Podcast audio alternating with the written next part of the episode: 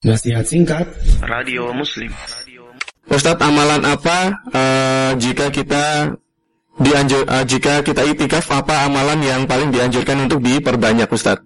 Mohon jawabannya Ustadz.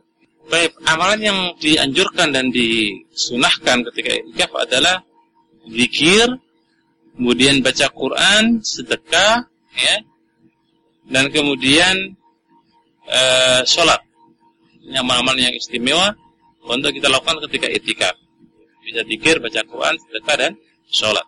Nah, wallahu a'lam.